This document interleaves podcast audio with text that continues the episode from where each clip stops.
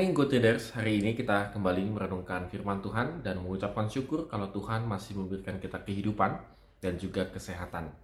Dan kita akan melanjutkan bacaan kita di Mazmur 19. Tetap juga untuk membaca uh, satu Mazmur ini karena cukup bagus. Ya, dalam kehidupan kita mungkin kita sering kali mendengar kata-kata orang yang omdo sifatnya ya, omong doang gitu ya. Tidak ada bukti. Kalau dia sudah bicara maka seolah-olah dia sudah mengalaminya atau dia akan memberikan sesuatu yang luar biasa, menjanjikan sesuatu yang luar biasa.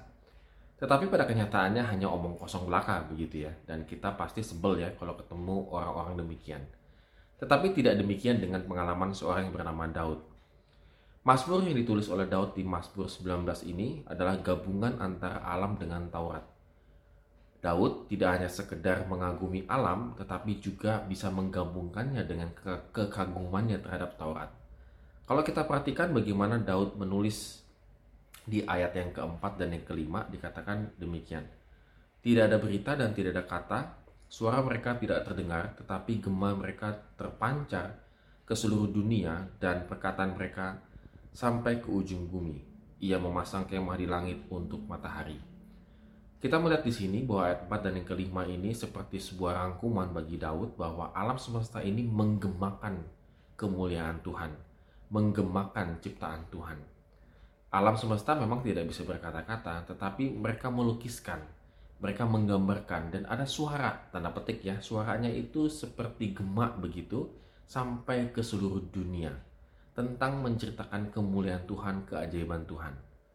Alam semesta yang sedemikian hebatnya diciptakan oleh Tuhan itu seperti mengembalikan kembali kemuliaan Tuhan kepada Tuhan. Jadi kita bisa membayangkan bagaimana Daud sampai memahami sedemikian dalamnya tentang alam semesta yang menggemakan kemuliaan Tuhan. Tapi tidak hanya itu saja, Pak Daud juga menghubungkannya dengan Taurat Tuhan di ayat yang ke-8 sampai dengan yang ke-11. Ada kata-kata seperti Taurat Tuhan itu sempurna, titah Tuhan itu tepat, takut akan Tuhan itu suci.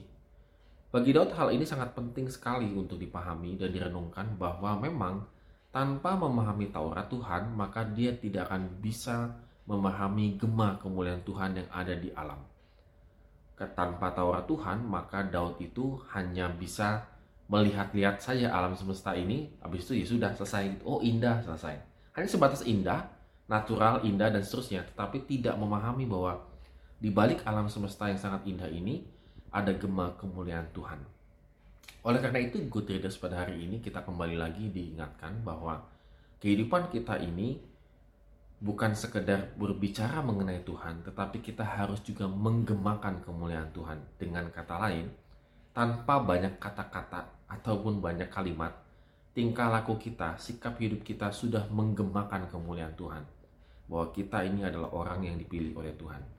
Terkadang kita lupa di sini bahwa kita lebih suka menggunakan kata-kata yang indah dan manis untuk memuliakan Tuhan, tetapi tidak terpancar dalam kehidupan kita. Oleh karena itu pada hari ini mari kita kembali renungkan apakah saya sebagai seorang yang sudah percaya kepada Kristus tetap terus menggemakan kemuliaan Tuhan walaupun tanpa kata-kata. Amin. Have a nice day and God bless us. Warning Good Traders, hari ini kita kembali merenungkan firman Tuhan dan mengucapkan syukur kalau Tuhan masih memberikan kita kehidupan dan juga kesehatan. Dan kita akan melanjutkan bacaan kita di Mazmur 19. Tetap juga untuk membaca uh, satu Mazmur ini karena cukup bagus. Ya, dalam kehidupan kita mungkin kita sering kali mendengar kata-kata orang yang omdo sifatnya ya, omong doang gitu ya.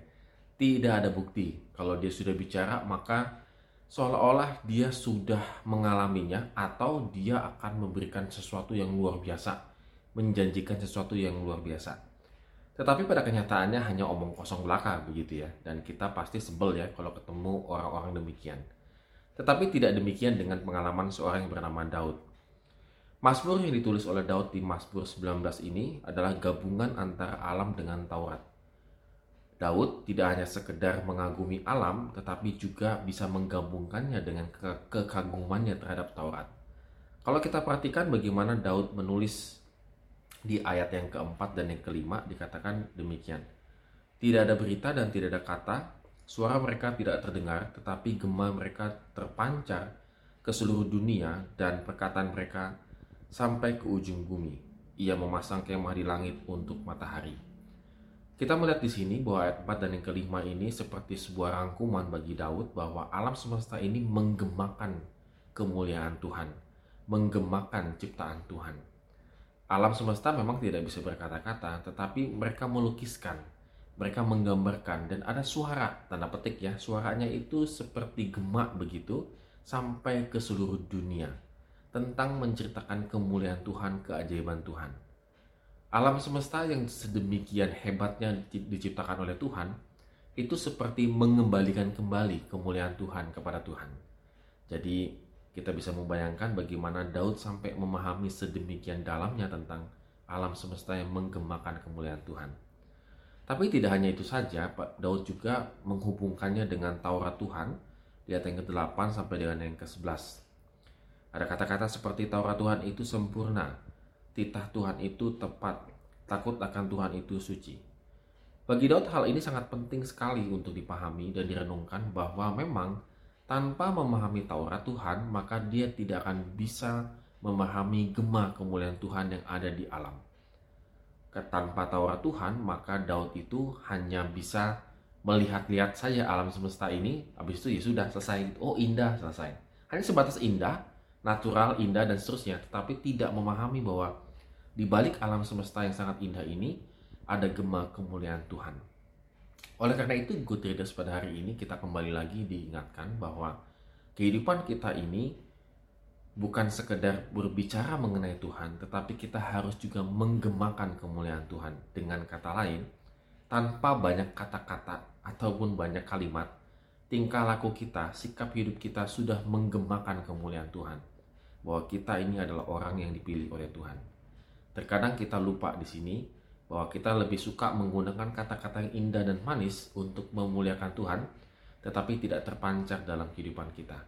Oleh karena itu pada hari ini mari kita kembali renungkan apakah saya sebagai seorang yang sudah percaya kepada Kristus tetap terus menggemakan kemuliaan Tuhan walaupun tanpa kata-kata. Amin. Have a nice day and God bless us.